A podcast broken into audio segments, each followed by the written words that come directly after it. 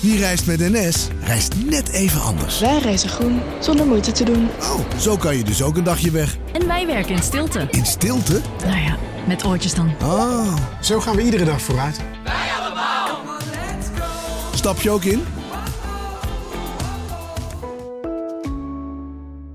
Nieuw Aquarius Red Peach Zero Sugar.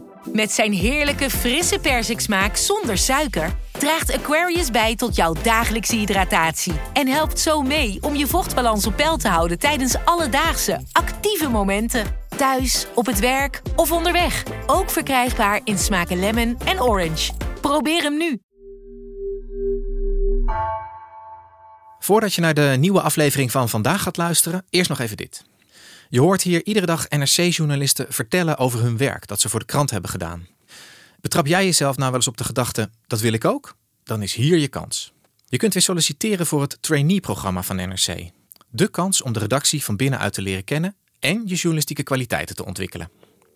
Lijkt dit je wat? Solliciteer dan voor 31 oktober. En meer informatie kun je vinden op nrc.nl/slash vacatures. Vanaf de redactie van NRC het verhaal van vandaag. Mijn naam is Egbert Kalsen.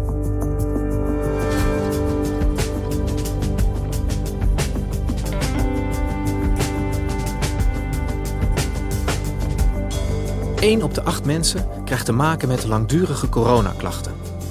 Voor artsen is het vaak nog onduidelijk hoe ze deze groep mensen kunnen helpen, ziet verslaggever Lineke Nieber. Zij ondervroeg honderden patiënten over de impact van long-covid op hun leven en zag hoe frustrerend het zorgtraject voor hen is.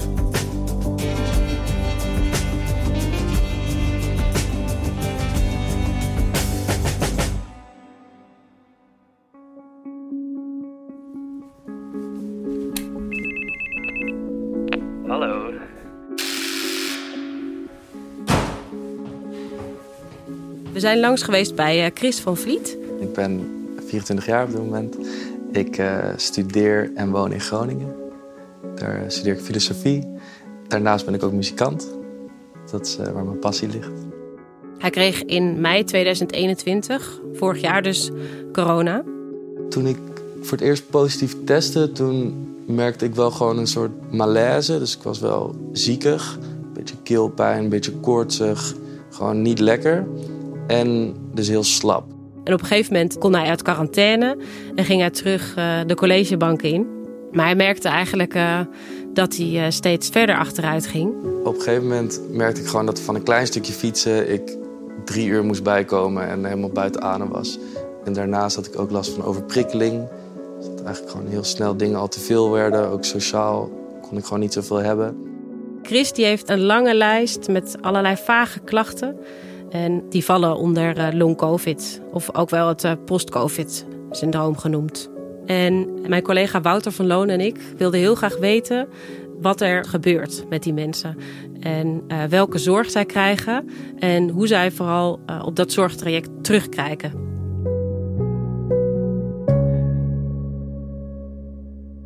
Wat weten we op dit moment eigenlijk van long covid? Wat is de stand van zaken? Nou, we weten eigenlijk ehm, niet zo heel veel. We weten wel steeds meer. Als het gaat om hoeveel mensen eh long-covid hebben, dan eh, is er bijvoorbeeld een onderzoek van het UMC Groningen.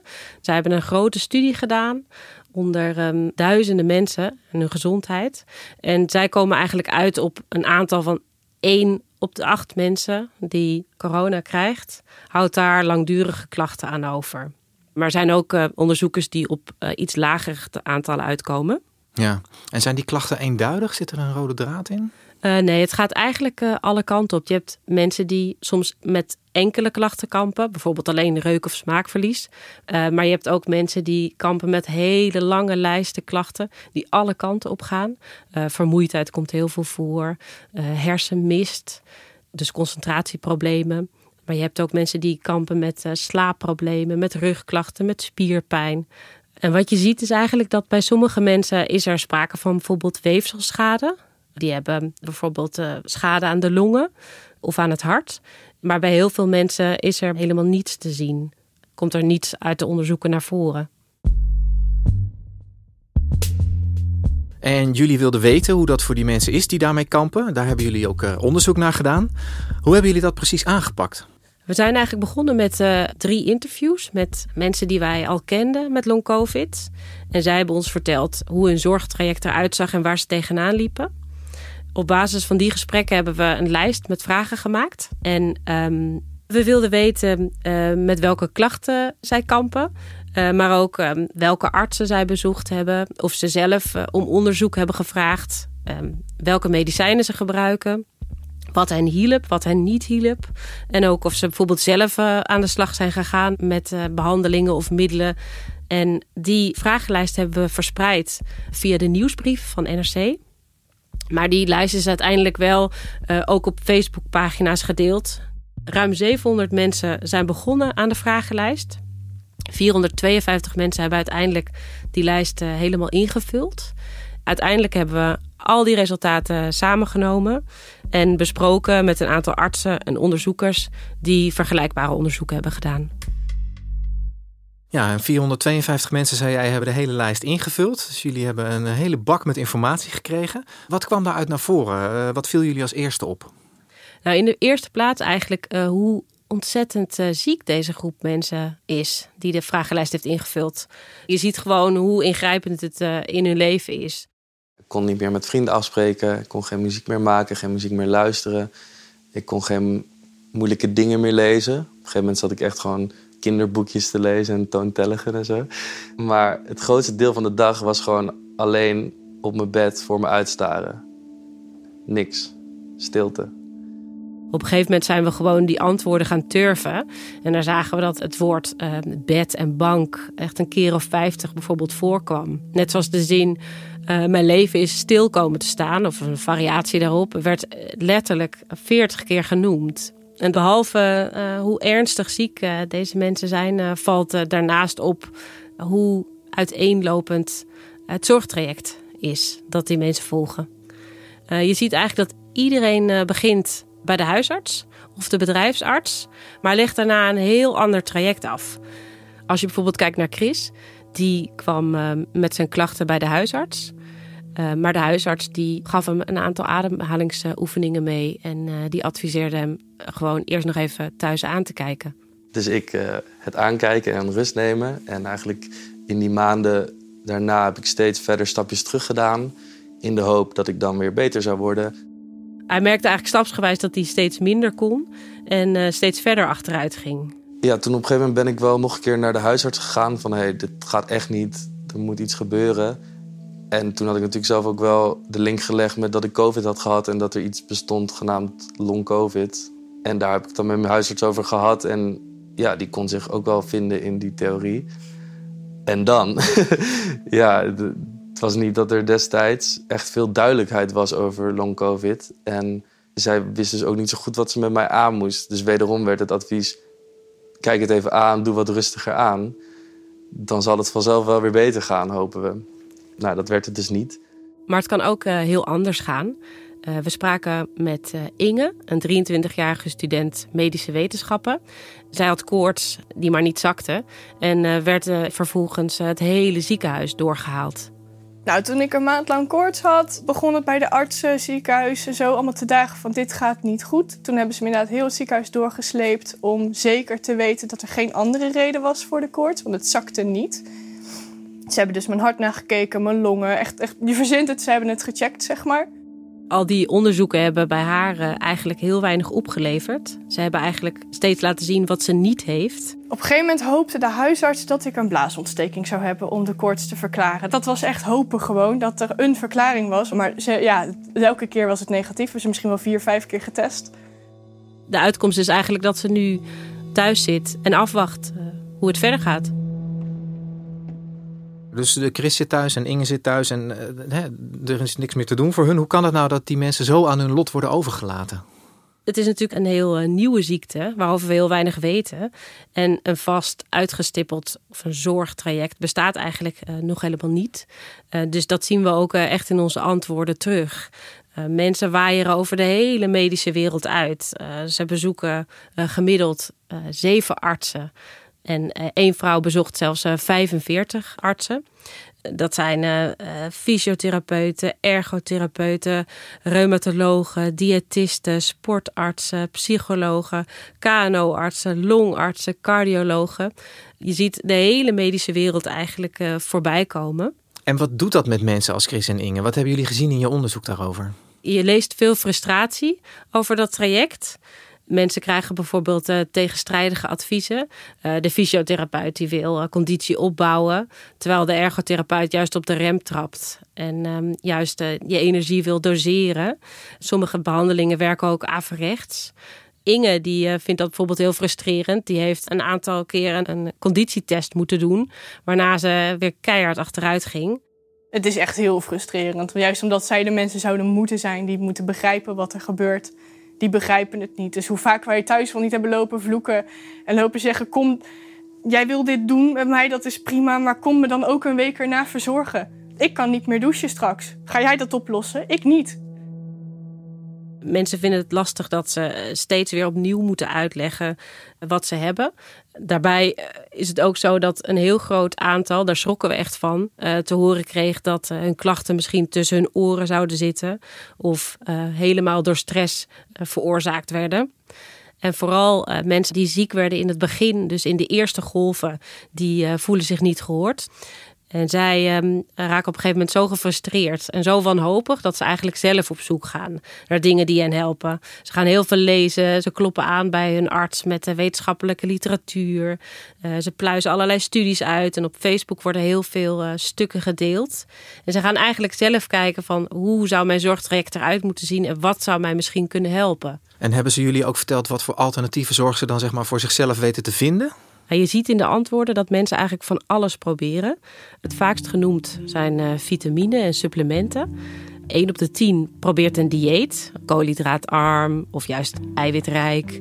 Uh, er zijn mensen die yoga proberen, slapen onder een verzwaarde deken of juist gaan liggen op een spijkermat. Sommigen nemen een speciale piercing die door een zenuw in het oor gaat en dan eh, mogelijk zou kunnen helpen. En anderen gaan veel verder. Die schrijven zichzelf soms medicijnen voor. 1 op de 10 die uh, probeert uh, dat met anti-allergiepillen. Hooikoortstabletten bijvoorbeeld. Het idee is dat um, allergie een soort overreactie van je immuunsysteem is. En dat zoiets ook speelt bij uh, long-covid-patiënten. Maar worden ook bloedverdunners geslikt. Een 45-jarige vrouw uit het onderzoek die neemt bijvoorbeeld dagelijks 100 milligram aspirine. Anderen proberen medicijnen met een veel groter risico, bijvoorbeeld uh, beta-blokkers. Die uh, schaffen ze aan op internet. Of ze overwegen via duistere websites, zoals ze dat zelf schrijven, virusremmers te bestellen. En er zijn mensen die nog verder gaan, die gaan naar het buitenland. Om um, bepaalde therapieën uit te proberen die hier nog niet gangbaar zijn. Lineke, um, inmiddels zijn er wel uh, uh, meer onderzoeken die duidelijk moeten maken wat long-covid nou precies is. Hè? Uh, worden er nou aan de hand van die nieuwe inzichten en die lopende onderzoeken ook stappen gezet in de zorg die de behandeling van die patiënten verbeteren? Er is sinds maart dit jaar een medische richtlijn over hoe om te gaan met patiënten met long-covid. Het vervelende is dat daar eigenlijk vooral in staat wat we niet weten, namelijk heel veel. Maar uh, er wordt bijvoorbeeld wel benadrukt dat um, al te intensieve trainingsprogramma's uh, uitputtend zijn voor patiënten en dat je daarmee op moet passen. Precies de frustraties waar tegen veel van de uh, mensen die uh, de, vragenlijst invulden, waar zij tegenaan liepen. Er wordt geëxperimenteerd, bijvoorbeeld in Nijmegen, met een soort een zorgcoördinator. Ziekenhuizen, huisartsen en fysiotherapeuten werken samen. En één coördinator die brengt dan de klachten van een patiënt in kaart. En die kijkt wat de behandelmogelijkheden zijn. En die zorgt er ook voor dat behandelingen op elkaar aansluiten. Dus dat voorkomt ook die tegenstrijdige adviezen van de fysiotherapeut die uh, conditie op wil bouwen en de ergotherapeut die juist op de rem wil trappen. En verder zijn er natuurlijk ook mensen die uh, heel soms uh, ook gewoon beter worden. In ons onderzoek zaten elf mensen die helemaal genezen zijn. En dat betere samenwerken tussen al die verschillende medische disciplines, is dat ook iets wat jullie terugzagen in jullie onderzoek? Is dat ook wat de patiënten het liefst willen hebben? Ja, zeker. Dat is wat je heel duidelijk terugleest. Maar ze hopen uh, natuurlijk op uh, meer onderzoek en op behandelingen die hen helpen. Maar ze willen eigenlijk ook, dat vond ik ook heel opvallend, vooral gehoord worden en serieus genomen worden. Ze hebben allemaal zoiets van, oh, maar iedereen is wel eens moe. Ja, maar dit is extreem moe, je hebt geen idee. Of ga gewoon bewegen, dan gaat het wel over. Ja, sorry, dat hebben we geprobeerd, dat werkt helemaal niet. Vaak averechts zelfs. Het zijn ook mensen die zeggen: Ja, je ziet niet aan mij dat ik ziek ben. En dan komen ze mensen tegen in het dorp en die vragen aan af van: Je was toch gevaccineerd? Of um, ja, je loopt hier nu toch ook rond? Maar zij zeggen: Ja, je ziet niet al die uren dat ik op de bank lig. Uh, en uitgeput ben. En um, dat is eigenlijk wat zij het belangrijkst vinden. Dus dat ze gehoord worden en gezien. En dat artsen hun verhaal uh, serieus nemen.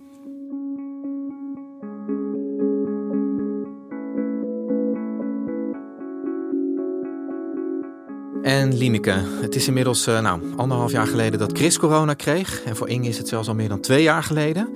Hoe gaat het inmiddels met hen? Chris, met hem gaat het eigenlijk uh, beter. Die um, heeft um, een aantal manieren gevonden om om te gaan met zijn klachten. En uh, die gaat nu zelfs vooruit. hij mediteert, bijvoorbeeld, vertelde hij. En um, hij heeft een psychosomatische coach gevonden die hem helpt. Ik ben nu weer zo goed als hersteld. Er waren tijden dat ik niet had gedacht dat ik dat ooit nog zou zeggen. Maar ik heb gewoon heel veel geschreven, dus heel veel gemediteerd. En allerlei activiteiten om mijn zenuwstelsel te kalmeren. Maar het grillig is natuurlijk dat bij de een eh, kan zoiets helpen en bij de ander uh, helemaal niet. Uh, met Inge bijvoorbeeld gaat het eigenlijk nauwelijks beter. Ik hoop eigenlijk vooral dat ik nog wat vooruit ga. Genoeg om weer te kunnen fietsen, om een klein stukje te kunnen autorijden. En soort van gewoon bijvoorbeeld naar de bios te kunnen. Dat zou ik heel tof vinden. Maar ik verwacht niet dat ik nog helemaal herstel. Ik verwacht niet dat ik echt terugkom op het niveau voor ik ziek was. Dankjewel, Lineke. Graag gedaan.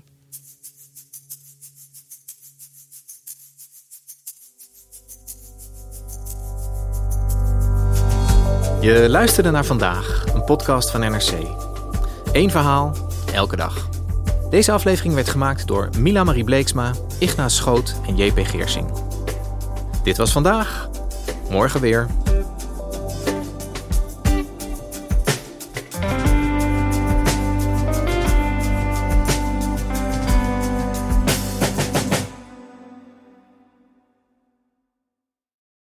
De financiële markten zijn veranderd, maar de toekomst, die staat vast. We zijn in transitie naar een klimaatneutrale economie. Dit biedt een van de grootste investeringskansen van onze generatie. Een kans voor u om mee te groeien met de pioniers van morgen. Meer weten? Ga naar carbonequity.com. Carbon Equity. Do good by investing better.